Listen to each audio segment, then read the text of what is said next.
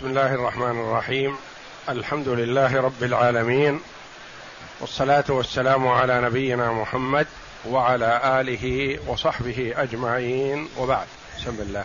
أعوذ بالله من الشيطان الرجيم. بسم الله الرحمن الرحيم. ألم تر إلى الذي حاج إبراهيم في ربه أن آتاه الله الملك إذ قال إبراهيم ربي الذي يحيي ويميت. قال أنا أحيي وأميت.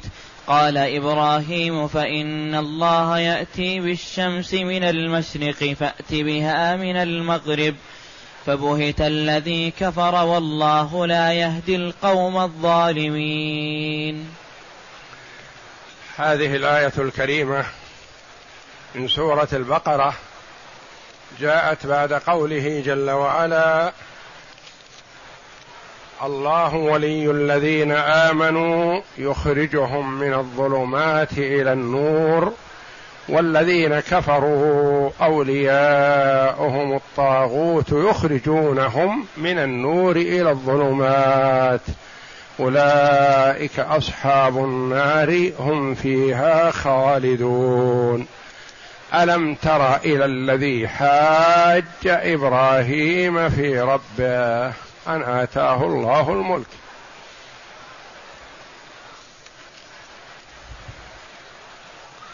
هذه الآية الكريمة كالتقرير والتأكيد لختام الآية السابقة. والذين كفروا أولياؤهم الطاغوت يخرجونهم من النور إلى الظلمات.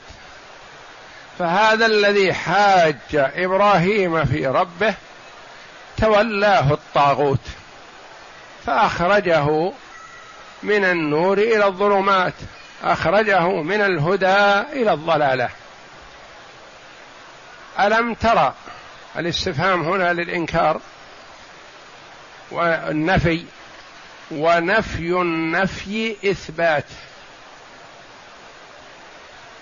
لأن لم ترى ما يصلح. نفي. والاستفهام المراد به النفي الهمزة يكون نفي للنفي. رأيت وعلمت الذي حاج إبراهيم في ربه. حاجة بمعنى خاصمه. وجادله وناظره في ربه. وهذا هو النمروذ ويقال له النمرود. ورد بالدال المهملة وبالذال المعجمة المنقوطة. النمرود والنمروذ ويقال إن اسمه النمرود ابن كوش ابن كنعان ابن سام ابن نوح. هو قريب من نوح لكنهم هناك يعمرون. فهذا الرجل ملك أربعمائة سنة. وعذبه الله جل وعلا كما جاء في البعوض أربعمائة سنة قبل أن يموت. أخزاه الله جل وعلا في الدنيا قبل عذاب الآخرة.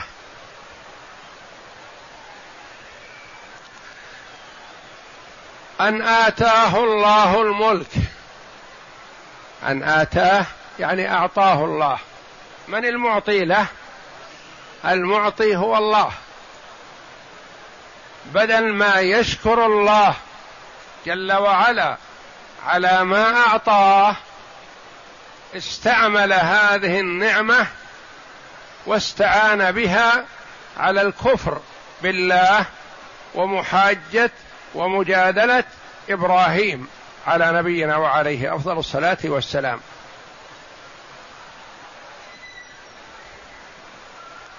أن آتاه الله الملك.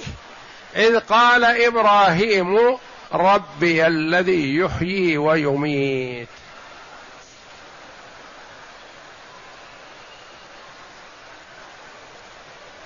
ورد في كتب التفسير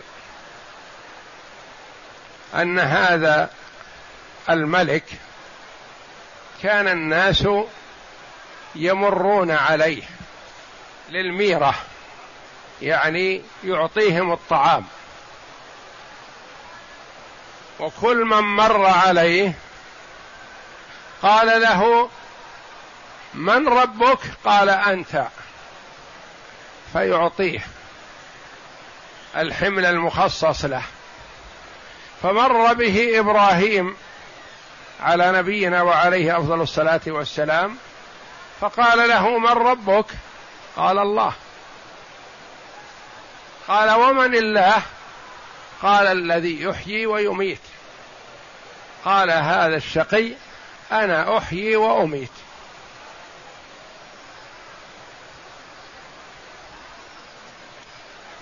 وكيف ذلك؟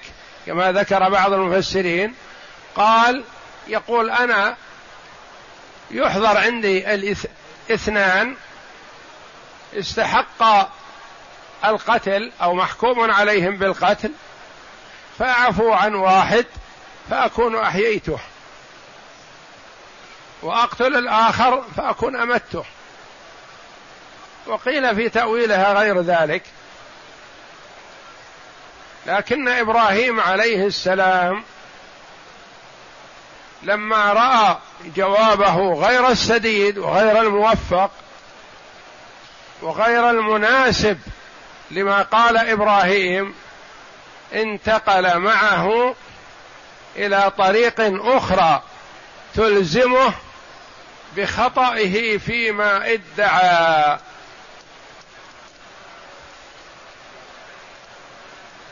وإلا فإبراهيم قادر على أن يجادله في هذه المجادلة في هذا الموضوع الذي هو فيه. لأن إبراهيم عليه السلام قال ربي الذي يحيي ويميت. الشيء الميت يجعل فيه الحياة. ولا يقدر على هذا إلا الله. والم والحي يقدر إذا شاء سلب الحياة منه. متى شاء. وهذا ما يقدر عليه هذا اللعين. وإنما هو أتى بجواب أحمق. غير مناسب لما قال إبراهيم عليه السلام. فأراد إبراهيم أن يلزمه بخطئه في دعواه أنه يحيي ويميت. ما قال له لا أنت ما تحيي ولا تميت ما تستطيع. وليس هذا هو المقصود أنك تقتل واحد وتعفو عن واحد. تبي واحد ميت أحيه ما يستطيع. ما يقدر. لأن الله جل وعلا يعطي الحياة للجماد الميت ويسلب الحياة من الحي فيكون جمادا. فانتقل معه إلى موضوع آخر مثله ملزم له بالخطأ بخطأه. قال إن الله إذا كنت تزعم هكذا يعني كأنه يقول إذا كنت تزعم أنك تحيي وتميت وقادر على الأمور فالله يأتي بالشمس من المشرق فأتي بها أنت من المغرب. اعكس. فبوهت الذي كفر. عند ذلك كما قال عدد من المفسرين رحمهم الله قال منعه الميرة ما أعطاه شيء. قال ما دمت ما تعترف بربوبيتي ما أعطاه. فخرج إبراهيم عليه السلام ليس معه شيء والآخرون حملوا. فلما قرب من أهله كما ذكر عدد من المفسرين أتى إلى كثيب من الرمل وقال أشحن مزودتي بشيء من الرمل حتى إذا قدمت على أهلي يرون المزودتين محملتين فيطمئنون. فملاهما من الرمل. ولما وصل وأنزل حمله عليه الصلاة والسلام اضطجع ونام متعب من أثر السفر. فقامت سارة وفتحت المزودة واحدة فإذا فيها من أحسن الطعام. ما تزود أحد بمثله. فهيأت الطعام وأيقظت إبراهيم وقدمت الطعام بين يديه. فقال ما هذا؟ ما عدت أن عندكم طعام ما عندهم شيء من قبل. قالت هذا من ما أتيت به. فعرف عليه السلام أن هذا من الله جل وعلا وقام وفتح المزودة الأخرى فوجدها مثل الأولى. طعام طيب. ما تزود المتزودون بمثله. فحمد الله جل وعلا. ذكر هذا عدد من المفسرين منهم ابن كثير ومنهم ابن جرير وغيرهم ينسبونه عن علماء التفسير عن السلف.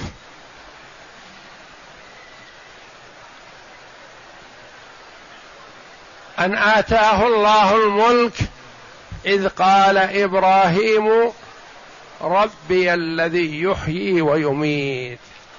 لأنه قال له من ربك؟ أنا ربك؟ قال لا ربي الله. قال ومن الله؟ قال الذي يحيي ويميت. قال أنا هو أنا. يعني فرعون اللعين احتذى حذوه حينما قال ما علمت لكم من إله غيري. لأن هذا ادعاء الربوبية. أنكر ربوبية الله جل وعلا وإنكار الربوبية أشد خطأ من إنكار الألوهية. لأنه أنكر الألوهية بعض من يدعي العقل لكن الربوبية واضحة جلية. يعني ما ينبغي أن ينكرها عاقل ويرد عليه بأسهل رد ويقنع بأي بأسهل أسلوب لأن إثبات الربوبية الخلق مفطورون عليه ويعلمون أنهم ما خلقوا أنفسهم وأن لهم خالق. فمن هو؟ هو الله. قال الله تعالى والله لا يهدي القوم الظالمين أي لا يلهمهم حجة ولا برهانا بل حجتهم داحضة عند ربهم وعليهم غضب ولهم عذاب شديد. وذكر السدي أن هذه المناظرة كانت بين إبراهيم والنمرود بعد خروج إبراهيم عليه السلام من النار ولم يكن اجتمع بالملك إلا في ذلك اليوم فجرت بينهما هذه المناظرة وروى زيد بن أسلم أن النمرود كان عنده طعام وكان الناس يغدون إليه للميرة فوفد إلى إبراهيم في جملة من وفد للميرة فكان بينهما هذه الميرة يعني التزود بالطعام نعم. فكان بينهما هذه المناظرة ولم يعطي إبراهيم من الطعام كما أعطى الناس بل خرج وليس معه شيء من الطعام. فلما قرب من أهله عمد إلى كثيب من التراب فملأ منه عدليه وقال أشغل, أشغل أهلي عني إذا قدمت عليهم. فلما قدم وضع رحاله وجاء فاتكأ فنام فقامت امرأته سارة إلى العدلين فوجدتهما ملآنين طعاما طيبا فعملت الطعام. فلما استيقظ إبراهيم وجد الذي قد أصلحوه فقال أنى لكم هذا قالت من الذي جئت به فعلم أنه رزق رزقهم الله عز وجل. قال زيد بن أسلم وبعث الله إلى ذلك الملك الجبار ملكا يأمره بالإيمان بالله فأبى عليه. بعث إليه ملك من الملائكة وليس ملك من بني آدم من الملائكة. نعم. كما ذكره ابن جرير رحمه الله. نعم. ثم دعاه الثانية فأبى ثم الثالثة فأبى وقال اجمع جموعك وأجمع جموعي فجمع النمرود جيشه وجنوده وقت طلوع الشمس وأرسل الله عليهم بابا من البعوض بحيث لم يروا عين الشمس وسلطها الله عليهم فأكلت لحومهم ودماءهم وتركتهم عظاما بادية ودخلت واحدة منها في منخري الملك فمكثت في منخري الملك أربعمائة سنة عذبه الله بها فكان يضرب رأسه بالمرزاب في المدة حتى أهلكه الله بها. والله أعلم وصلى الله وسلم وبارك على عبده ورسول نبينا محمد وعلى آله وصحبه أجمعين.